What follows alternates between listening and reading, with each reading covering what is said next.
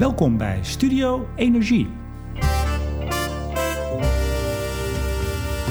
Met de strijd tegen een biomassa-centrale in Diemen staat de kritiek op deze energiebron weer vol in de schijnwerpers. Helemaal niet duurzaam, volgens sommigen een regelrechte ramp. Volgens anderen is biomassa wel degelijk duurzaam en zelfs absoluut nodig. Aan meningen geen gebrek, maar hoe zit het nu echt? Dat is dé vraag aan mijn gast deze week. Hoogleraar Biobased Economy, Energy and Resources aan het Copernicus Instituut van de Universiteit Utrecht. Ik ga in gesprek met Martin Jonginger. En ook deze uitzending wordt weer mede mogelijk gemaakt door energieleverancier De Nutsgroep, Team Energie van Ploemadvocaten en Notarissen en netbeheerder Stedin. Meneer Jonginger, hartelijk welkom. Dank u. We nemen dit op Goede Vrijdag op. Hartje Utrecht, Universiteitsbibliotheek. Gespreksruimte, wat is het? 2,59 geloof ik. Klopt. Beetje galm, maar dat mag de pret niet drukken. Uw instituut is dicht hè, vandaag. Dat klopt. Normaal gesproken zijn wetenschappers op Goede Vrijdag vrij. maar u gaat morgen op vakantie en uh, u wilde eigenlijk best wel graag dit gesprek doen, begreep ik? Ja, het leek mij erg leuk. Uh, u wilde eerst bij de biomassa-centrale hier in Lage Weide, heet die hè? Klopt. Utrecht. Ja. Uh, nou, dat lukte op het laatst net niet. Ik zei in de intro al in Diemen. Die in Diemen, daar is nu uh, nou, ophef over. Ja. Maar die in Utrecht hier, daar was ook veel gedoe over. Daar was zeker veel gedoe over, ja. Dit jaar geopend, begin het jaar, of althans opgestart? Hij gaat, uh, er zit volgens mij nu in de commissioning phase, heb ik begrepen. Hij moet in augustus, geloof ik, is de officiële opening. Hoe kijkt u tegen die ophef uh, aan? In het algemeen. Um, We gaan het er uitgebreid over hebben, maar even zo'n ja. eerste indruk. Nou ja, ik, ik, ik zie dat met leden ogen aan en tegelijkertijd begrijp ik het heel goed. Um, ik zie het voor heel veel verschillende vormen van duurzame energie. Ik heb heel vaak voor gemeenteraden gesproken en ben daar soms gefrustreerd uitgegaan op dat moment blijkbaar vooraf al een mening klaar liggen en die niet wou wijzigen, ook na het horen van alle facetten. En kwam daarna tegenstanders uh, van een uh, zonneweide tegen. Dus ik besefte toen ook van ja, dit is niet de enige vorm van duurzame energie waar protest tegen is. En gelukkig heb ik het nog niet meegemaakt dat er dreigberichten tegen mij of wie dan ook in de bio-energiewereld verstuurd zijn. Maar ik schrok wel van die windparken waar nu aannemers zijn bedreigd. Dus ik denk dat elke vorm van nieuwe energieopwekking tegen ja, weerstand zal opwekken. Ja, want u bent, uh, nou mag ik gerust zeggen, een prominent in de bio-energiewereld. Even het cv erbij, zeg ik dan altijd. Ja. Uh, chemie gestudeerd, hier in Utrecht Klopt, ook. Ja. Uh, gepromoveerd op Learning in Renewable Energy Technology Development. Klopt. We hoeven niet heel diep erop in, maar wat was de, de portée van uw onderzoek? komt feitelijk op neer dat hoe meer je van een bepaalde technologie bouwt, hoe goedkoper het wordt. En dat het meest bekende voorbeeld is de zonne-energie. Dat kostte in de jaren 70 nog 100 dollar per wattpiek. En dat is inmiddels de cellen onder de 1 wattpiek. Dus dat is een giga. En dat is volgens een hele mooie leercurve gelopen. Met iedere keer dat uh, de capaciteit is verdubbeld, zijn de kosten met 20% gedaald. Dat stemt hoopvol, zeggen we dan. Ja, 2005 uh, gepromoveerd. Uh, en toen, ja, een mooie carrière nog steeds in Utrecht. Altijd blijven hangen. Nooit in het bedrijfsleven gewerkt, hè? Nee, wel eens overwogen. Maar uiteindelijk was het toch te leuk om uh, wetenschapper te zijn. Betaalde te veel. en ja, u bent nu hoogleraar. Nou, ik zei het, zei het in de intro, hè. bioenergy, bioenergie, dat is heel breed. kunt u in twee zinnen uitleggen wat uw onderzoeksveld is? Ja, ik kijk naar alle soorten bio-energie en biomaterialen. En onderzoek daar aan de ene kant uh, hoe we ze duurzaam kunnen produceren en inzetten. En aan de andere kant ook hoe we, hoeveel biomassa er is om ze te maken. En hoe we ze uiteindelijk uh, goedkoper kunnen maken. Dus even gelinkt aan het vorige. Ja, want uh, u bent verbonden aan het Copernicus Instituut. Dat is ook het instituut voor, uh, wat is het, Sustainable Development, ja. hè? Dus en op mijn instituut kijken heel veel mensen naar alle soorten van duurzame ontwikkeling. In mijn eigen groep Energy and Resources kijken we ook naar zonne, zon en wind. Uh, naar CCS, naar uh, smart grids. De, eigenlijk de hele energietransitie. 2013, 2015 was ook lid van de commissie die de criteria voor het gebruik van duurzame biomassa heeft ja, helpen opstellen, opgesteld. Hoe zeg ik het? Nou, er waren twee commissies. Er was de commissie uh, Kramer. Die heeft in 2006 de eerste versie, de Kramer-criteria heet ze ook in het jargon, opgesteld. Daar was ik niet direct lid van, maar heb ik wel mee geadviseerd. En later was er een opvolgcommissie, de commissie Corbij, die uh, het, uh, de Tweede Kamer uh, feitelijk geadviseerd heeft op alle soorten vraagstukken die gelinkt waren aan biomassa en bio-energie. En daar was ik drie jaar lid van. U was ook nog tussen 2016 en 2018 lid van de adviesraad van het Sustainable Biomass Program. Ja, Wat klopt. is dat voor club? Dat is een club die gezegd heeft... er zijn heel veel duurzaamheidseisen vanuit Nederland, vanuit Engeland... vanuit Denemarken en België gesteld aan biomassa. Zowel uh, lokaal, maar ook vooral geïmporteerde biomassa. Die uh, eisen die variëren nogal, want elk land heeft het wiel zelf grotendeels uitgevonden. En uh, SPP was een organisatie die opgezet is door de energieproducenten van bio-energie. Dus in eerste instantie door de industrie zelf. Um, om een certificeringssysteem te ontwikkelen om aan al die criteria van die verschillende landen in één keer te voldoen. Mm-hmm. Um, inmiddels is dat verzelfstandigd en inmiddels zit ik ook niet meer in de adviesraad, maar ben ik in het standards committee. Dat wil zeggen, uh, het is nu een volledig zelfstandige organisatie die niet meer afhankelijk is van de industrie, maar die nog steeds als doel heeft om een certificeringssysteem te runnen waarmee de duurzaamheid van in instantie vooral nu houtpellets en houtchips uh, te, te, garanderen. Ja, want het is wel vrij cruciaal dat het dus niet alleen van de producent is. Want dat, ja. dan kom je meteen op een van de controversies. Ja. ja. die jongens willen alleen maar pellets verkopen. Klopt. Dus het was een beetje van hè, de slager keurt zijn eigen vlees. Tegelijkertijd moest dat opgezet worden. Die intentie was er vanaf het begin om te zeggen... we gaan dat nu we gaan dat verstandigen. Dus nu zijn er bijvoorbeeld ook de producenten van de biomassa erin. Maar ook maatschappelijke stakeholders. Dus bijvoorbeeld de, de wetenschappen, NGO's. Die zijn, zitten ook in de chamber die, die advies geeft. En tot slot, u bent lid van de, ik noem het even, de duurzaamheidsadviesraad van Good Fuels. Klopt. Nederlands bedrijf. Ja. Uh, ontwikkelen vloeibare biobrandstof Ja. voor uh, scheepvaart, Vooral, ja. zwaar transport. ja. Uh, dik betaalde nevenfunctie, vragen we dan? Nee, ik uh, heb, uh, volgens mij heb ik één keer een, een 500 euro gedeclareerd. Dacht ik van nee, ik vind dit bedrijf zo leuk. En ik zeg, het kost me ook niet zoveel tijd. En ik, ik leer, niet, leer heel veel van, dus die nevenfunctie is niet betaald. De vorige trouwens wel, maar dat zijn geen bedragen waarvoor ik zeg van nou, daar kan ik van rentenieren. dan kan ik morgen voor op vakantie. Ja, nee. Nou. nou, misschien.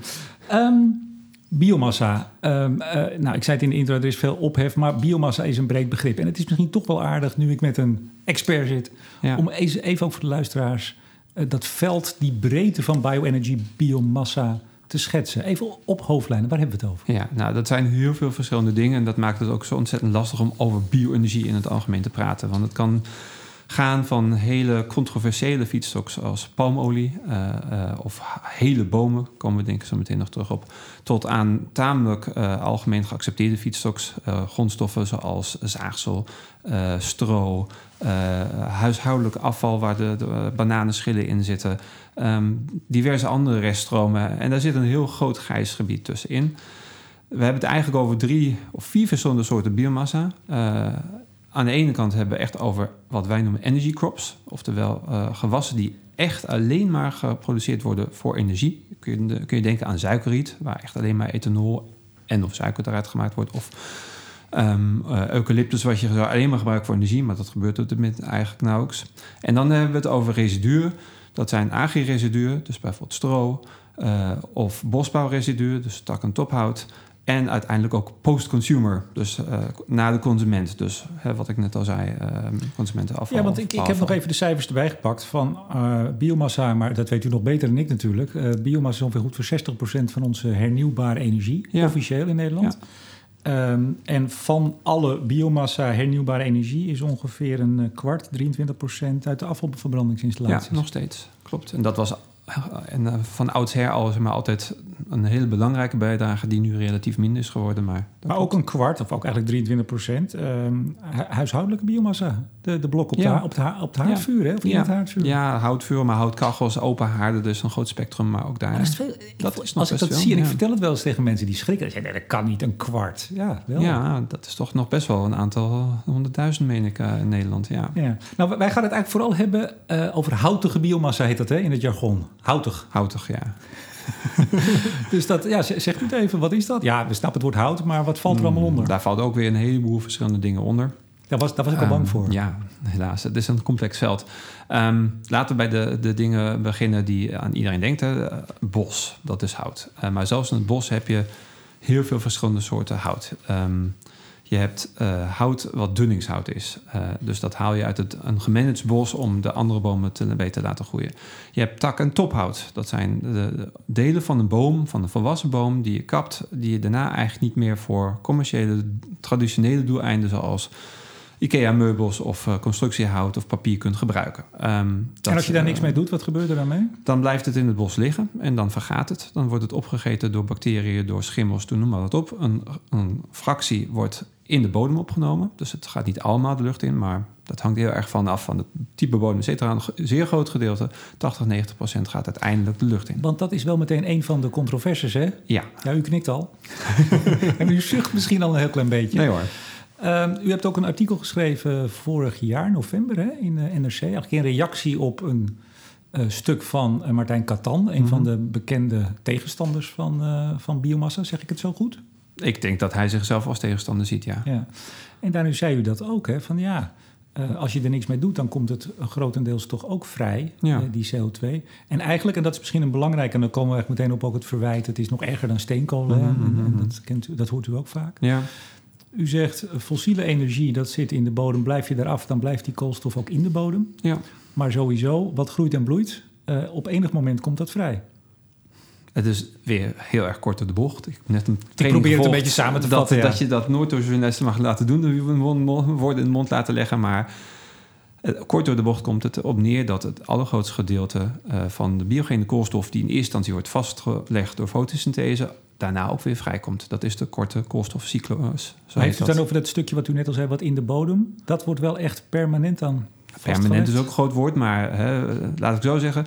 Ik was met mijn zoontje in uh, de, vorig jaar in de zomer uh, in de summer school bij de botanische tuinen. Dan mochten we met een grondboor uh, een zeg maar, gat boren van twee meter diep. En dan was de sensatie, nou, de kleilaag die je nu hebt aangeboord, die is 20.000 jaar oud. Nou, dus die anderhalve, twee meter grond, die is in de loop van misschien 20.000 jaar vastgelegd. Maar de hoeveelheid koolstof die er ondertussen zeg maar, gecirculeerd heeft, is een, een veelvoud daarvan. Dus ja, het grootste gedeelte gaat uiteindelijk weer de lucht in. Ik onderbrak u een beetje bij de opzomming. Was u al een eind op weg of hebben we er nog heel veel We hebben gehad? nog wel wat te gaan, ja.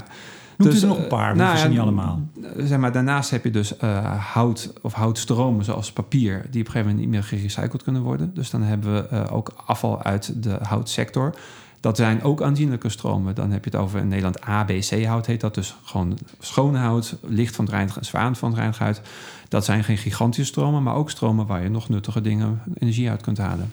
En ik denk dat daar het minste discussie over is, omdat dat volledig volgens circulaire begrip van hè, eerst materiaal toepassing, dan energie. Dat men zegt, als het echt niet meer voor andere toepassingen gebruikt kan worden, is dat prima voor energie. Het belangrijkste verwijt misschien wel. Uh, biomassa en dan houtige, laten we voorlopig, als we het over biomassa ja. hebben, hebben we het nu over houtige okay. biomassa, uh, is gewoon niet hernieuwbaar. Dat zegt Catan eigenlijk ook. Het is, uh... Nou, dat, daar heb ik hem niet kunnen, kunnen betrappen. Want ik denk dat weinig mensen kunnen betwijfelen dat als je een boom weer aanplant, dat er weer niet een boom groeit. Dus in die zin hernieuwbaar lijkt mij wel aan te tonen. Maar dat het, is... het niet automatisch gebeurt en dat je ervoor zor moet voor zorgen dat er een boom aangeplant wordt, dat is wel degelijk belangrijk. Maar is, zegt u het maar, is, is houtige biomassa, dat is gewoon een mooie hernieuwbare bron van energie? Ja, nou, dat hangt heel erg vanaf. Ik heb toevallig vanochtend nog een, een laudatio geschreven van studenten die gekeken heeft naar houtskool uit Nigeria. Nou, dat was echt het slechtste voorbeeld van biomassa wat we konden vinden. Daar heb je het over een land waar uh, ontbossing plaatsvindt, waar sterke bevolking groeit en waar ondanks al dat houtskool zelfs nog geëxporteerd wordt naar Europa om er winst mee te maken. Nou, we hebben uitgerekend dat de CO2-uitstoot 14 keer erger is dan duurzaam geproduceerde houtskool uh, dan, dan in Nederland. En in dit geval zou ik zo zeggen, is het echt veel beter om een gasgestookte of elektrische barbecue te gebruiken. Dus dat is echt een kwestie van hele slechte conversierendementen, maar ook dat er niet opnieuw wordt aangeplant. Dus er is echt ook, bestaat niet hernieuwbare biomassa. Maar dat is een fractie gelukkig van wat wij in Nederland aan duurzame biomassa of aan biomassa gebruiken. Het aller, allergrootste gedeelte is wel degelijk duurzaam. En daarom denk ik, of in ieder geval hernieuwbaar. En daarom denk ik dat het een goede zaak is om het te gebruiken. Ja, want tussen hernieuwbaar en duurzaam zit dan weer een verschil. Daar zit nog wel een verschil, ja. Want daar komen, uh, hernieuwbaar is een onderdeel van duurzaam. En er zitten nog heel veel andere aspecten aan vast. Maar als we nou kijken hier naar de, de Eneco-centrale hier in Utrecht... of Ja. die straks van Vattenval in, uh, in Diemen, Mhm. waar valt dat onder? Die, zijn, die moeten voldoen aan die zojuist genoemde eh, strenge duurzaamheidseisen. Ik weet dat deze hier in, eh, van Eneco, waar mijn eigen huis ook mee verwarmd wordt, die doet aan Better Biomass. Dat is een systeem hier van de NEN. En dat zijn, naar mijn beste weten, zo'n beetje de strengste duurzaamheidseisen die aan biomassa gesteld worden. Dus dat begint echt bij duurzaam bosbeheer. Maar er worden dan ook eisen gesteld aan bijvoorbeeld dat het minimaal 70 of 75 procent eh, broeikasgasemissiereductie moet opleveren ten opzichte van kolen of van aardgas. En als ik u dan zeg, en dan praat ik ook even de tegenstanders na, ja, dat zal allemaal wel die criteria. Het is allemaal prachtig, uh, papieren tijger. Het, het, zal best kloppen op papier, maar uiteindelijk gaan daar gewoon bomen worden gekapt, die gaan de oven in. En, of er worden pallets van gemaakt en het wordt op een boot hier naartoe gebracht. En we, we, hebben eigenlijk helemaal geen zicht erop. Wat zegt u dan? Nou, dan zeg ik, er zijn twee dingen. Ik denk, ten eerste ga je dan een ander onderwerp aansnijden, namelijk certificering. Is dat een een functionerend instrument om, om duurzaamheid te garanderen. En dat geldt natuurlijk voor voedsel en andere commodities ook. Um, maar ik denk dat juist in de bio-energiewereld, um, juist vanwege die maatschappelijke discussie, de betrokken spelers, zowel aan de productiekant van de biomassa, maar ook aan de consumptiekant, op hun teentjes lopen en opletten dat die biomassa zo duurzaam mogelijk gesourced wordt. Wie controleert ze? Um, dat is in dit geval de overheid. Hè. De, de, om STE Plus subsidie te ontvangen, moeten zij aantonen uh, dat die duur, biomassa duurzaam gesourced is. Dat kunnen ze doen met behulp van bijvoorbeeld met de biomassa-certificaten. En dat systeem wordt dan weer door andere organen. Dus wie, uiteindelijk blijven zitten met de vraag wie controleert, controleert de controleurs van de controleurs van de controleurs. Maar ik denk dat overal vergeleken met andere uh, um, uh, waren die wij in Nederland gebruiken, zij het voedsel, zij het hout voor papier en constructie, is het een, een extreem goede controle.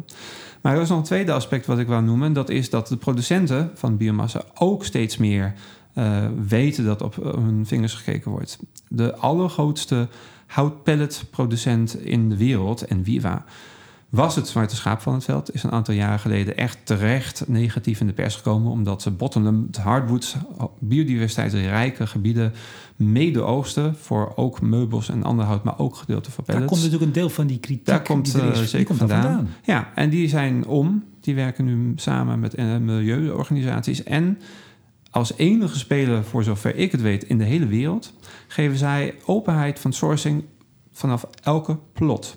Dus van elke hectare of acre in Amerika geven zij aan waar het hout vandaan gehaald wordt. Dus elke organisatie kan traceren op hun website waar het hout vandaan komt en kan zeggen, nou dat vond ik niet duurzaam, of dat vind ik duurzaam. Maar dit is nou een hele grote speler en we zouden misschien een beetje met Shell kunnen vergelijken, die ook zijn beste beentje voorzet, ja. juist omdat er veel kritiek ja. is. Maar er zijn natuurlijk altijd nog legio partijen die daaronder hangen, ja. buiten het zicht, die misschien nog steeds doen wat zij vroeger deden. Ja, nou dan komen we een beetje op het begin, hè, systemen als SPP, daar wordt dan gekeken.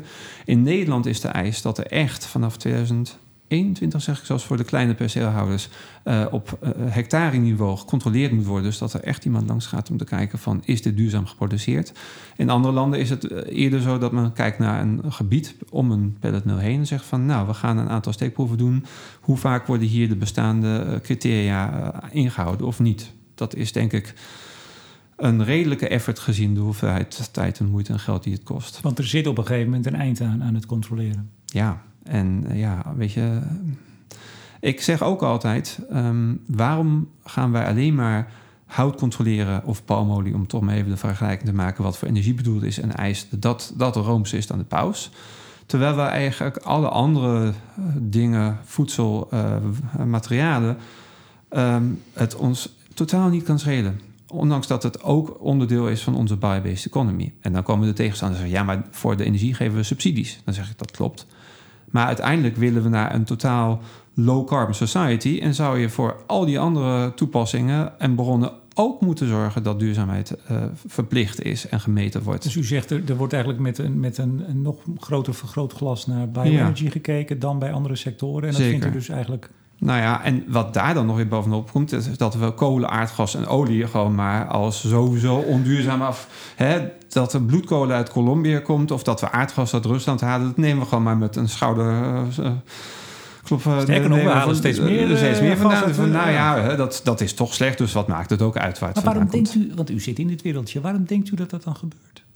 Nou ja, ik denk, uh, bio-energie is een buitengewoon controversieel onderwerp, omdat het aan heel veel verschillende eisen uh, aanraakt. Hè? Voedselvoorziening, biodiversiteit, uh, landschapsbeheer, noem maar op. Waardoor heel veel mensen uh, ook een, een, emotie erover hebben, ja, een mening erover vormen.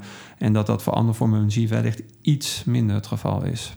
Daardoor denk ik ligt bio-energie juist omdat het zoveel raakvlakken met andere belangrijke thema's in de maatschappij heeft, zo onder het vergrootglas. Ik was een keer bij de biomassa-centrale in Kuik. En toen uh, kwam ik daar aan en toen kwamen er allemaal, uh, om de zoveel minuten, kwamen er uh, hoveniers langs rijden met zo'n aanhangwagentje. Mhm. En die brachten daar hun, de takken die ze uit de plantsoen Ja. hadden gehaald. Nou, of, of vaak komen die ook bijvoorbeeld, dat zijn shreds die uit een composteerinstallatie komen, die niet gecomposteerd kunnen worden. Maar inderdaad, dus Nee, vaak lokaal takken. afhoud. Ja, ja, ja. Dat is een beetje het romantische beeld van eh, eh, biomassa. Hm. Je haalt het ik geloof, binnen een straal van 100 kilometer. Hè? Dat geldt voor Utrecht geloof ik ook. Binnen die straal zou je dan moeten oogsten wat je... Mm, Volgens mij is dat eh, het streven, maar omdat er niet voldoende biomassa is voor heel Nederland, daar kunnen we heel duidelijk en open over zijn, Daar wordt volgens mij naartoe. ook Daar een gedeelte geïmporteerd. Want dat is dus het romantische beeld. Mhm. Hebt, hebt u cijfers over hoe, welk aandeel daaruit bestaat? Hoveniers, die hebben wat over. Die nou, brengen het naar de centrale. Prachtig. Ik zou nu in mijn stapel papier kunnen duiken. Ik zeg uit mijn hoofd een, een kwart of 23 procent volgens Probos eh, komt echt uit het bos. Dus tak en tophout en dergelijke. En een merendeel, maar ik, heb, ik geloof ook zoiets, of 30 procent komt uit landschapsbeheer, plantsoenbeheer. En dan hebben we ook nog een stukje afvalhout, aanhout. eh, dus ja, uit alle sectoren komt wat. Maar dan even naar die beroemde pellets. Mhm. Want dat is eigenlijk de, de, de steen des aanstoots. Hè? Dat er Ja. pellets gemaakt worden van bomen in eh, nou, Zuid-Amerika. Of in... eh, Zuidoost van de VS, van de VS. U bent daar vast geweest. meerdere keren. Hoe staat het er daarvoor? We hebben het net al over die criteria, maar even gewoon de Ja. praktijk. U gaat daarheen, daar heb je plantages of hoe, Ja. hoe werkt dat daar? Nou, dat misschien even een stapje terug. Hoe- hoezo is dat eigenlijk een bron van houtpellets? Nou, omdat daar heel veel hout is. Waarom is daar heel veel hout?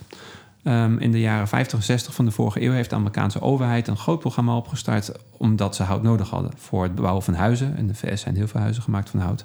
Maar ook voor de papier- en pulpindustrie. Nou, dat heeft ertoe gezorgd dat eh, in die 70 jaar continu in die hele regio eh, op, ik geloof drie jaar na, altijd meer bos is aangeplant dan er is geoogst. Dus de vraag naar hout, en dat vind ik heel belangrijk om te benadrukken, de vraag, maakt gestuurde vraag, zonder dat er iets van verplichting van houtplanten of bomen of zo, maar puur dat er vraag was naar hout, heeft ervoor gezorgd dat een gigantisch areaal is herbebost. dus wat er staat nu meer dan toen ze begonnen. Absoluut. Ontzettend veel meer. En het groeit nog steeds. Ehm, en dat ging eigenlijk goed tot medio jaren 2000. En toen kwam eerst de housing crisis, waardoor de, de vraag naar constructiehout eh, omlaag ging. En tegelijkertijd kwam internet en ging de vraag naar newsprint behoorlijk omlaag. De vraag naar verpakking Papier ging omhoog, dus. van naar papier inderdaad. Die van, van de krant ging omlaag, die van, van verpakking enigszins omhoog. Dus we kunnen wel zeggen dat de vraag naar pulphout en papier redelijk constant was. Maar het aanbod bleef nog steeds stijgen. Want de investeringen die 20 jaar eerder waren gedaan in die, in die bossen, die kwamen nu eigenlijk eh, ja, tot, tot eh, vrucht. En wat, wat gebeurde er toen? Nou, nu is er wat de Amerikanen noemen de wall of wood. Oftewel een enorm overaanbod, vooral aan hout, wat in eerste instantie bedoeld was voor de papier- en pulpindustrie. Voor de timberindustrie zien we inmiddels de markt wel weer aantrekken. Maar juist dat segment, die kleinere, en moet je eigenlijk ook voorstellen als je een plantage aanplant. Dan heb je altijd verschillende maten bomen. De grote bomen met een diameter van meer dan 15 centimeter of zo, die gaan de zagerij in. En de bomen tussen de 8 en 15 of zo, ik pin me niet op de precieze diameter vast, die hebben andere doeleinden. Dat heet dan chip and saw en popblocks en, en noem maar op. En dat alles, het kleinste gedeelte, dat top, tak en tophout, dat wordt vaak zelfs eh, in het veld verbrand. Dat klinkt raar, maar dat doet men om snel te kunnen aanplanten of om de kans op bosvuren eh, later te Maar verkleinen. u zegt, er staat een wall of wood. Ja. Er staat enorm veel hout. Nou, dan Klopt. zeg ik, nou, dat is prachtig. Er zit allemaal koolstof in. Lekker Ja. laten staan. Ja, dat zou je. Dat is inderdaad wat een aantal, wat de voorstanders van. Of de tegenstanders bioenergie zeggen: van eh, ga dit hout gewoon laten staan. Gebruik het bos als een koolstofbank. En dat is een filosofie waar wel degelijk wat voor te zeggen valt. Want biodiversiteit eh, gaat daar zeker wat mee opschieten. Ehm, en uiteindelijk hebben we afforestation nodig. Dus Ja. daar kun je veel voor zeggen. Ehm, Maar, ik hoor hem maar. Natuurlijk. ik probeer het eh, genuanceerde plaatje te schetsen. Je hebt eigenlijk de tegenovergestelde visie dat we zeggen... we kunnen het bos, of in ieder geval een deel van het bos... moeten we ook gebruiken om onze maatschappij van materialen en energie te voorzien. En Ja, want dat is wel heel belangrijk. We hebben het nu steeds over houtige biomassa en Ja. energie. Maar daar kun je nog heel veel andere dingen uithalen. Ja, nou, en dat gebeurt dus ook. Hè? En ik zeg altijd, zaaghout in de vers is ongeveer zeven keer meer waard... dan als je het verkoopt voor energie. Dus de eh, animo om de grote bomen in een pelletmill en uiteindelijk in een kolencentrale te stoppen is buitengewoon klein. Dan zou iemand echt uh, Ja, die van zijn wel- eigen portemonnee zijn. Ja, maar dat, dat is nou precies het beeld wat wel gegeven wordt. Ja, hè, door dat klopt. tegenstanders. Die zeggen, ja, de mensen, dat vinden ze fa- fantastisch. Die bomen, hup de oven in. Maar u zegt, dat is, dat is eigenlijk, je krijgt er weinig voor. Je, krijgt beter, de, de business case. eh, er zijn door de Nederlandse overheid die dit ook wou weten, er zijn er studies gedaan waar duidelijk is dat de pulpmolens nog steeds iets meer kunnen betalen dan de pelletmills. Dus de pelletmills zoeken nu bewust de plekken op waar de, de, de papierfabrieken failliet zijn gegaan. Waar eigenlijk een soort gat zit waar de sawmills nog steeds hout willen hebben voor de constructie, maar waar de, de pelletmills zeggen van nou wij kunnen nu die bomen gebruiken die voorheen voor pulp en papier bedoeld waren. Ehm, en dat heeft ertoe geleid dat de afgelopen ehm, nou, 15 jaar een industrie is ontstaan die van 0 tot 7 miljoen ton export is gegroeid. En dat is een pelletindustrie. pelletindustrie. Dus op het ogenblik, eh, ik meen vorig jaar is er 7 miljoen ton houtpellets geëxporteerd, vooral naar het Verenigd Koninkrijk, eh, wat naar Denemarken. eh, en waarschijnlijk de komende jaren ook weer naar, naar Nederland. Mag, mag ik één stapje terug? Ja, U, u zei net, die bossen in, eh, in Amerika, in het, in het zuiden... die staan er nu beter bij dan in de jaren 50, 60, hè? ja. Even, even naar Scandinavië. Nou, ja, oké. Ik wil eigenlijk nog even nog zeggen, ook daar geldt weer Ja, wat- ik ga de professor niet tegenspreken. Sorry, dus als de professor een andere lijn Ik wil, wil dan toch even, dat. ook nog even het beeld nuanceren, want ik heb nu zo gedaan alsof alles plantagehout is. Dat is niet zo. Er zijn ook bottom en hardwoods, wat ik al noemde. Dus ook weer een complex mix aan hardhout, aan zachte, aan pulpwood, en hè, aan verschillende soorten bossen. Dus het is weer heel lastig om alles over één kam te scheren. Maar het is wel zo dat een groot aantal van die pelletmills echt uit plantagehout gevoed wordt. Mogen we nu naar Scandinavië? Natuurlijk. Hoe staat het er daarvoor? Want daar gebruiken ze heel veel eh, hout, biomassa. Ja, en met heel veel succes. Ehm, ook daar is na de eerste of uiterlijk na de tweede oliecrisis het, eh, het roer omgegaan. En heeft men gezegd, wij willen eigenlijk eh, voor een... we gaan, gingen daar voor een CO2-tax. en met behulp van die CO2-tax is een enorme biomaterialen en bio-energie sector opgezet. Eh, Zweden is het land wat nu al volgens mij de targets voor 2020 qua duurzame energie heeft gehaald. Dat is vooral dankzij de bio-energie. Eh, Zweden heeft eh, ambities om 2000, of, ik weet niet, 2040 klimaat, volledig klimaatneutraal te zijn. En is nu al de allergrootste sector van de totale, niet alleen maar elektriciteits- maar energievoorziening, is bio-energie. En dat is wederom een verhaal dat de Zweden precies hetzelfde als in het zuidoosten van inzetten. Vooral plantagebos, daar is weerstand tegen, want het is geen natuurlijk bos. Maar het levert heel veel hout op voor de industrie. En weer heel veel energie op voor industrie en maatschappij. Maar ik zeg dan even heel eh, naïef. Wat hebben we er dan tegen in Nederland, tegen biomassa? Ja, goede vraag. Ehm, ten eerste denk ik, st- stoot het mensen voor het hoofd dat we eh, als dichtbevolkt land met dure bodemprijzen er eigenlijk niet omheen komen als we meer willen dan een klein beetje biomassa gebruiken, dat we moeten gaan importeren. En mensen eh, kijken me soms aan alsof ik des duivels ben als ik dat voorstel. Ik verbaas me daar soms wel over, want wij importeren alles. We importeren onze kolen, we importeren onze olie, we importeren ons voedsel, we importeren onze kleding. Ik zeg altijd, eh, als jij eh, alles zou uitdoen wat niet geïmporteerd is, dan Moesten we maar niet eh, doen nu. moeten we maar niet nee. doen. En toch is het, eh, daarnaast hebben we, wat ik net al uitlegde, een ontzettend systeem opgezet om die duurzaamheid, want we zagen dit al 15 jaar geleden aankomen, zoveel mogelijk te garanderen. En toch blijft het iedere keer weer van, ja, maar dat kan per definitie niet duurzaam zijn. Dat ik dan denk van, ja, maar dan moeten we eigenlijk stoppen met al het andere importeren ook. Ehm, en daarnaast is het dus ook zo dat heel veel mensen toch een, een, romantisch beeld hebben bij bos. Dat zie je nu ook, even los van die hele discussie in Nederland. Hè. Wat willen we van bos? Willen we dat als natuurgebied? Willen we dat inzetten voor biodiversiteit? Willen we dat inzetten voor materiaal- en energiegebruik? En al die verschillende interesses en belangen botsen. Afgelopen week hebben we geloof ik 63 milieuorganisaties. Ik wist serieus niet dat we er zoveel hadden. Dat, nee, dat is geen grap. Ik wist dat niet, maar dat is echt heel veel. Die Ja. hebben protest aangetekend hè, tegen het ja, te veel kappen van bos door Staatsbosbeheer. Ja. Die aan de leiband van de houtindustrie zou lopen, is Ja. de beschuldiging.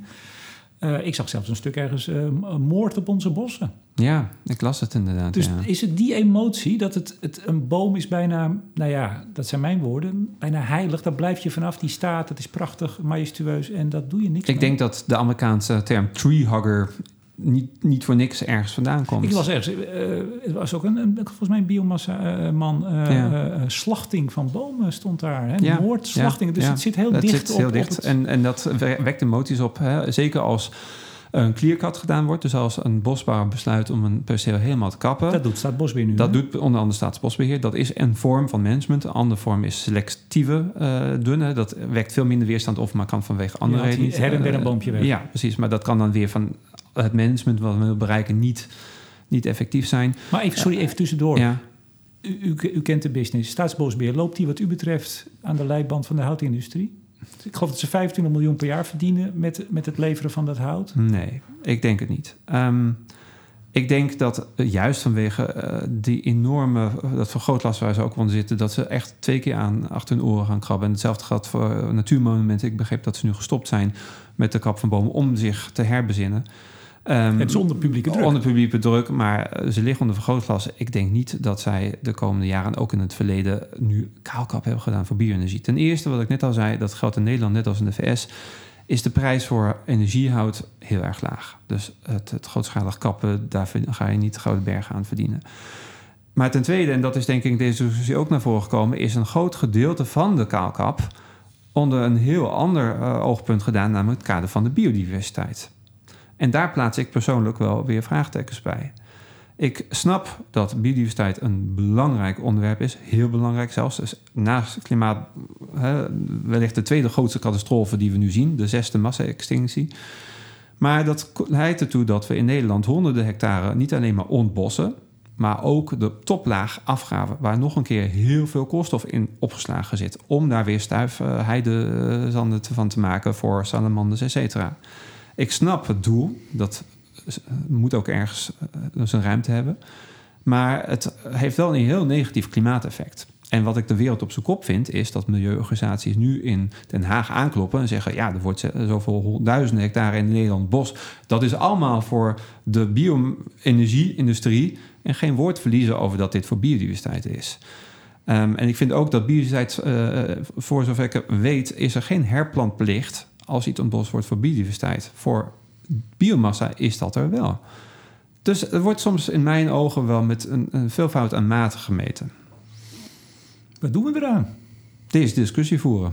Spreekt u wel eens met politici?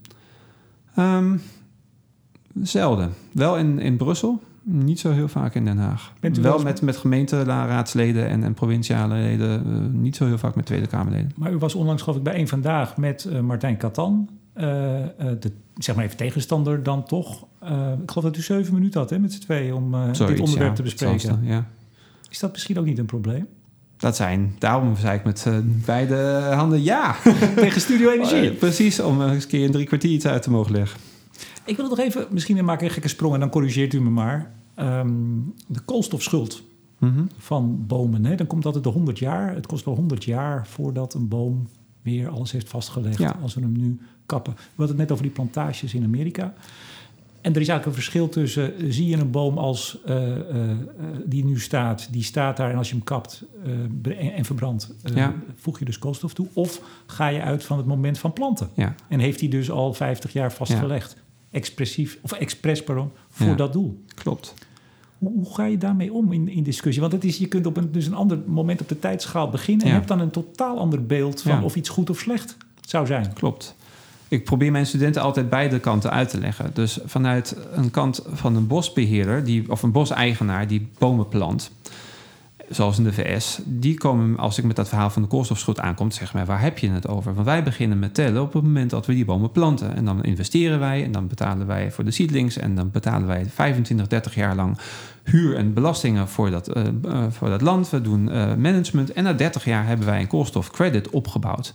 En die oogsten wij dan. er is op geen enkel moment een sprake van, van schuld. Wat ik een hele legitieme zichtwijze vanuit de boseigenaar zie. En ook als we een LCA, een levenscyclusanalyse doen. Hè, als we, ik moet zeggen, wat is de impact van een vel papier? Dan wordt er ook begonnen bij het moment van planten van die bomen. En diezelfde trits, al die emissies van fertilizer, van, van kunstmest, wordt ook allemaal meegenomen. Enkel en alleen als we het hebben over broeikasgasemissies, gaan we zeggen: ja, nu beginnen we met het moment van de kap. Dat is raar. Dat kun je verdedigen door te zeggen: een beleidsmaker heeft nu de keuze: gaan we die boom kappen of niet? Dus die beleidsmaker heeft meer de neiging om te zeggen: um, wij gaan nu kappen. Of we gaan beginnen we bij ja, het moment van de kap. We gaan niet kappen. We gaan, of we gaan niet kappen. En mijn student vragen, ja, wat klopt nou? En die van ja, dat is uiteindelijk een subjectieve keus. Uh, en je kunt voor beide systemen wat zeggen. Maar goed, het is niet alleen misschien de beleidsmaker, de politicus. Het zijn mensen die, uh, de, straat op die ja. de straat op marcheren. Die zich vastketenen aan, uh, aan het hoofdkantoor ja. van Shell. Of, of vastplakken, geloof ik. Om, omdat de wereld, en dit zeg ik zonder ironie... Uh, over twaalf jaar, uh, nou ja, nog niet misschien net vergaat, maar wel het punt van no return bereikt is. Dus alle koolstof of, moet vastgehouden worden. Dat sentiment zit erop. Dat zit er duidelijk in. Um, maar wat, wat nou ja, dat is ook een punt. Precies. Nou, daar komen we eigenlijk, en dat is het allerlastigste van deze discussie, dan komen we op wat in vaktermen heet het counterfactual. Oftewel, het scenario um, wat er zou gebeuren als je dat die boom niet zou kappen. En dat scenario is extreem lastig te definiëren. De tegenstanders van bio-energie gaan er vrijwel altijd vanuit dat die boom voor eeuwig en altijd blijft staan. En dat betekent in de praktijk dat hij nog 10, 20, 30 jaar afhankelijk van de specificatie doorgroeit. Uiteindelijk dat je een stabiel evenwicht bereikt en dat die bos um, voor eeuwig die koolstof vastlegt. Trouwens, bossen in het algemeen gaan niet voor eeuwig en altijd koolstof vastleggen. Er zit een maximum aan vast en dan bereikt hij een, een, een dynamisch ja, Maar dat zeggen tegenstanders ook wel, maar vervolgens blijft hij staan, wat u zegt. Nou, dat mag je hopen. Ik was in november in San Francisco en de lucht was oranje gekleurd van de fijnstof van de bosbranden die 50 kilometer verderop zaten. Maar als er nou even geen brand is, laten we even uitgaan, nou, geen brand. En, en, ook geen ziektes. Want in Duitsland, dat hoorden we gisteren geloof ik op het nieuws ik weet niet of je daar zo, zo 1, 2, 3 van uit mag gaan. In, in British Columbia, in aan de westkust van de VS, zijn miljoenen hectares dood vanwege een kever. Die nu over, ja, ironisch in nog, in Duitsland ook. Uh, we hebben steeds meer stormen die bomen omvergooien. In Canada uh, worden, gaan sowieso van nature door bosbranden miljoenen hectares in vlammen op. Dus ik zie uh, het bos als koolstofbank aan de ene kant als een riskante investering. En ten tweede gaat het nog steeds weer in tegen het principe van ja, maar we hebben ook materialen en we hebben ook energie nodig. En als je bijvoorbeeld geen hout haalt uit het bos om bijvoorbeeld staal en beton te produceren, dan heb je twee problemen. Namelijk ten Wacht even, hout halen om staal en beton te om, produceren? Om te vervangen, excuses. Ah, ik dacht al, u, hebt, u bent op het spoor van dus, een heel nieuw procedé, dacht ik. nou ja, je kunt ook hout inzetten tijdens de productie misschien van staal. Uh, in de vorm van, van, van houtskool of van, van biomassa. Maar het gaat er dan ook om dat materiaaltoepassing van hout een buitengewoon goede toepassing is. Uh, waardoor we een dubbele bonus hebben. Namelijk ten eerste dat we die koolstof langdurig vastleggen. In huizen, mijn vader woont in een vakkenwerkhuis in Duitsland... waar de balken 500 jaar oud zijn. U komt uit Duitsland, hè? Ik kom uit Duitsland, dat klopt, ja. Dus iedere keer als ik mijn vader zie zeggen van... nou, dit doe je goed, want die balken in dat huis... die liggen al 500 jaar de koolstof vast. Uh, al ver van de letter van klimaatverandering... En je bespaart nog een keer die extra energie, de fossiele energie uit die je nodig hebt om staal en beton te produceren. Dus ik pleit nog steeds meer voor een, een systeem waar we land en bos gebruiken, in ieder geval gedeeltelijk, als een productiesysteem voor onze materiaal- en energiebehoeften, dan dat we het enkel en alleen als een koolstofbank gebruiken. En daar zit een balans in.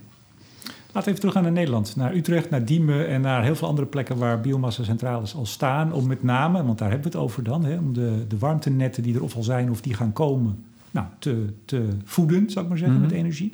Dan wordt heel vaak gezegd de, de uitstoot fijnstof. Ja. Verschrikkelijk. Is dat zo?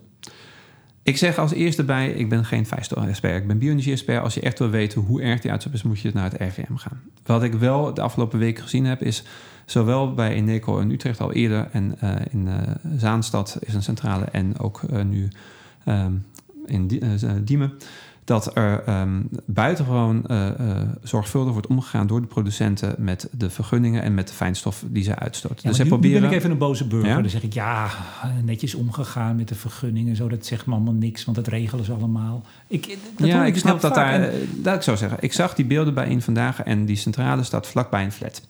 En er is een contourberekening gemaakt op uh, jaargemiddelde. Hè. Als ik 100 ehm, meter verderop zou zitten en de wind zou zo staan dat die schoorsteen op mijn flat zou blazen, zou ik het raam ook dicht doen. En dan zou ik ook niet blij zijn. Dat begrijp ik volledig.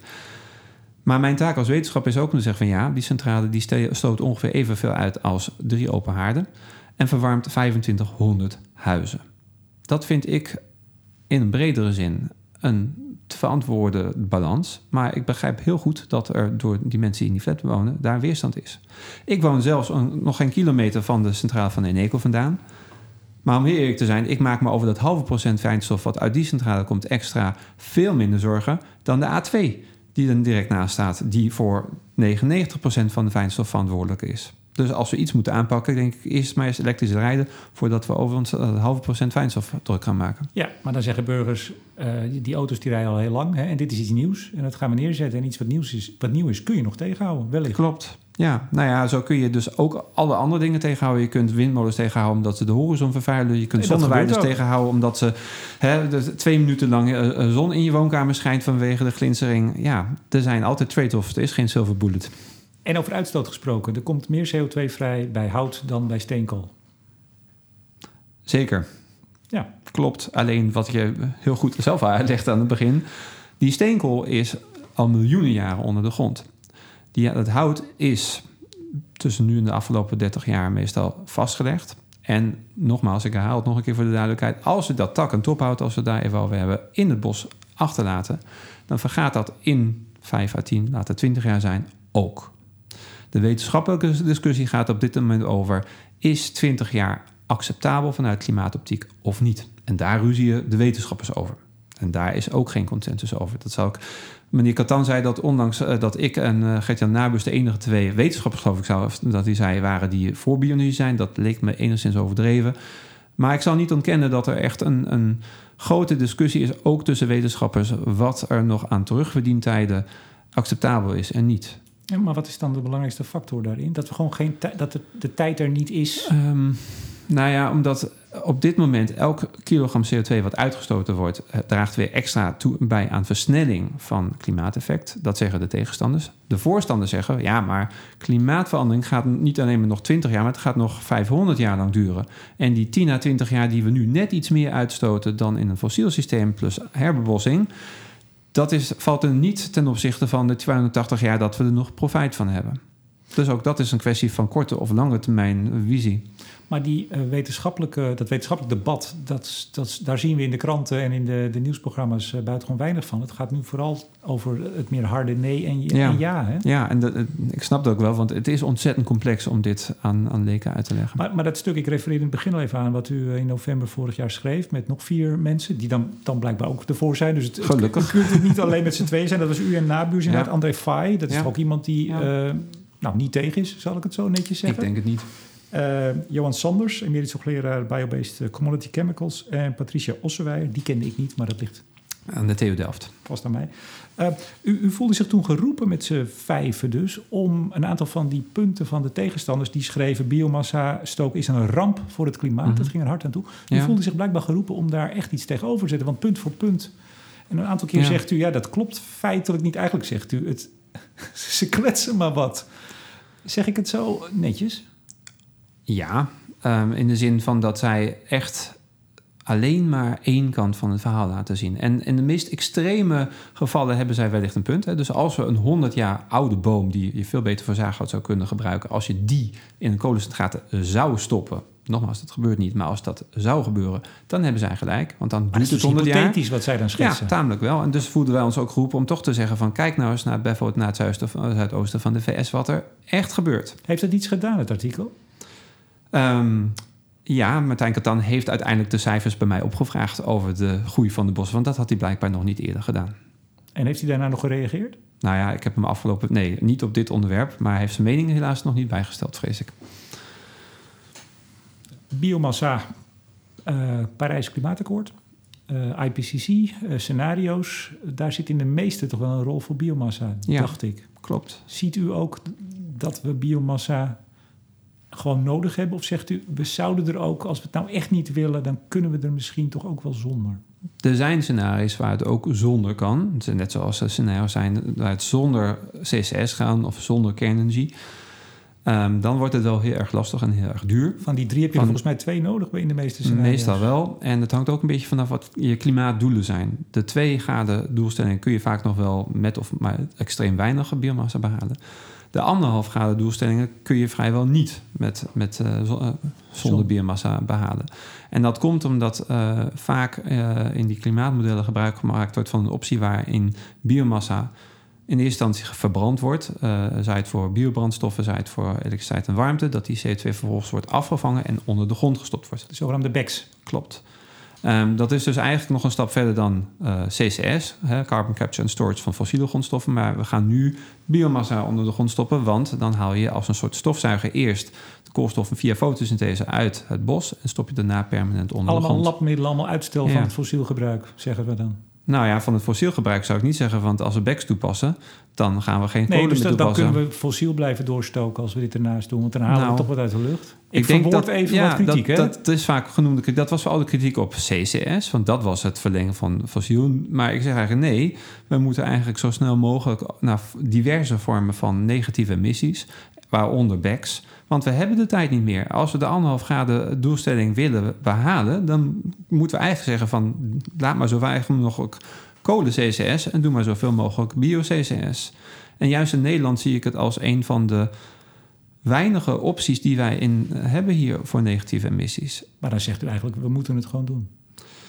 Gewoon doen is een groot woord, want het is altijd lastig. Ik zit maar hier ik met, zeg, een, ik zit ja, hier met een natuurlijk. wetenschapper, dan moeten we het ja, doen. we moeten het, wat mij betreft, zeker proberen. En ik denk, eh, Bart Strengers, het PBL heeft vorig jaar daar een rapport over uitgebracht... waarin zij ook zeiden, als Nederland zijn bijdrage wil leveren aan negatieve emissies... Hè, dus het actief uit de lucht vissen van ko- CO2, welke opties hebben we dan? Nou, dan hebben we het over herbebossing. Dat moeten we doen, maar we zijn een klein land... en we hebben niet zo ontzettend veel. Dus eh, prima om 100.000 en het initiatief hectare neer te Shell zetten. Staatsbosbeheer om 5 miljoen bomen aan te planten... werd nou Nou, ook niet meteen... Niet met, juichend ik, ik ben daar niet zo extreem kritisch. Ik denk dat de herbebossing nodig is. En ik denk dat dit initiatief wel heel erg snel geberst is in één, één hoek. Maar ook dan gaan we dat elders doen. Maar als we nou zeggen, wat kunnen we in Nederland doen? Ehm, ja, herbebossing is lastig. Dan heb je nog een hele leuke optie. Dat is DAX, Direct Air Capture. Oftewel het uit de lucht halen van CO2.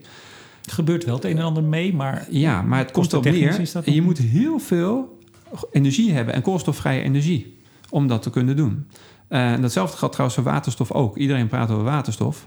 Maar we zitten op dit moment op 15% duurzame elektriciteit. Als we heel veel geluk hebben, zitten we in 2030 op 70% duurzame elektriciteit. Dat is veel. Maar dan hebben we het nog over geen gram extra waterstof wat geproduceerd is of over eh, op afvang van koolstof.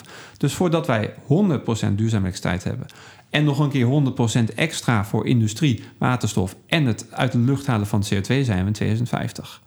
BECS zouden in principe morgen kunnen doen. Er zit een producent van eerste generatie bioethanol in het midwesten van de VS. Die produceren op dit moment op uh, miljoenen schaal, tonnen schaal uh, ethanol uit mais. Is grote business daar. En de CO2, die vangen ze af. Ik vind het buitengewoon ironisch dat dat uitgerekend onder Trump in de VS het eerste en enige tot nu toe grootschalige BECS-project is in de wereld. Waarom doen ze het? Omdat ze de CO2 onder de grond pompen voor enhanced oil recovery. Dus ze halen meer fossiele toch, olie uit de grond. Ik zeggen, ja. toch weer om meer fossiel uit de grond Precies. te halen. Maar het komt er wel op neer, die optie... Maar het uh, werkt dus. Het werkt. Het werkt absoluut. En in Nederland hebben wij lege gasvelden. Ik denk niet dat het slim is om weer onder Barendrecht te beginnen, maar dat is een andere discussie. Maar we hebben lege gasvelden. We hebben kennis in huis waarin wij bioraffinage zouden kunnen doen om tweede generatie biobrandstoffen hier in Nederland te produceren. Waar heel veel schone CO2 al tijdens de vergisting vrijkomt. Maar en nou, die kun je prima afvangen en ondergrond stoppen. Maar nou heeft nou juist het kabinet in maart gezegd dat we eigenlijk CCS nog meer gaan beperken dan de 7 megaton die dan het uiteindelijk misschien zou worden in het klimaatakkoord. Ja. Dus dat ziet er ook alweer niet heel gunstig uit. Althans, in dit dat scenario. zijn politieke keuzes, ja. Ik, uh, ik, dat was denk ik wel onder de premisse dat het volledig fossiel CCS was. Ik verbaas me erover dat... Ik begrijp het, maar ik verbaas me over dat, in, dat niemand, zelfs de industrie... het woord BECS in Nederland tot nu toe in de mond heeft durven te nemen... behalve het PBL omdat men weet dat het heel, twee heel controversiële opties zijn... die men met elkaar gaat combineren. Ik ga u een slotvraag stellen die ik volgens mij nog nooit gesteld heb aan een van mijn gasten. En ik weet namelijk dat u zich heel goed hebt voorbereid op dit gesprek. En u hebt nu ook wat spullen voor u liggen. En ik, ik ga gewoon vragen, hebben we nog iets gemist? Want u, u had een aantal dingen in het hoofd... en ik ben benieuwd of we die allemaal zijn langsgelopen. Nou, ik denk nog wel een paar puntjes. De, de inzet Pakt van, u nou de belangrijkste ja, even, want zoveel ja, tijd hebben we niet ja, meer. Nou, nogmaals, ten eerste benadruk ik in al mijn gesprekken... dat biomassa niet dé oplossing is. Het is een onderdeel van de oplossing. Het kan nooit de hele oplossing zijn. En we moeten met een schaarse grondstof buitengewoon zorgvuldig omgaan. En ik denk ook dat het verwarmen van huis uiteindelijk uh, niet de beste inzet is van houtige biomassa. Want we moeten isoleren, we moeten warmtepompen gebruiken. Alleen dat kunnen we niet vandaag op morgen. We kunnen niet heel Utrecht vandaag op morgen op een warmtepomp aanzetten. Tijdelijke isoleren. oplossing. Het is voor het verwarmen een tijdelijke oplossing. Uiteindelijk moeten we de biomassa slim inzetten in de vorm van chemicaliën om olie uit te sparen. Medicijnen. Uh, en in bijvoorbeeld uh, zwaar transport uh, voor vliegtuigen en voor schepen. Maar in die transitie naar dat proces vind ik warmte wel degelijk te verdedigen. Elektriciteit denk ik moeten we over vijf jaar mee ophouden. Want wind en zon zijn gewoon goedkoper. Dus na 2024 denk ik is het niet meer slim om op hele grote schaal elektriciteit te produceren. Uiteindelijk moeten we die biomassa duurzaam produceren. Subsidie stopt dan ook in ieder geval voor de bijstel in kolencentrales. Ja. Maar de reden om nu ook met biomassa door te gaan is juist... en ik zeg altijd, ik zie problemen... maar ik werk liever aan oplossingen... om juist nu aan duurzame productie van biomassa te werken... en die stromen ook op grote schaal op gang te brengen... zodat we straks ook die biomassa hebben om chemicaliën en transport te Maar, maar als die subsidie voor de bijstok in kolencentrales in 2024 stopt, zijn die stromen dan al voldoende op gang gebracht naar Nederland? Of stokken die dan weer en moeten we over een aantal jaar misschien weer opnieuw beginnen met het opbouwen? Daarvan? Nou, het is natuurlijk wel een iets grotere markt dan in Nederland. Hè. Het Verenigd Koninkrijk ziet nog wel meer heil in, in biomassa, ook voor elektriciteitsproductie. En BECS trouwens, die zijn wel actief bezig met BECS. We zien in Zuidoost-Azië nu wel wat uh, van de grond komen.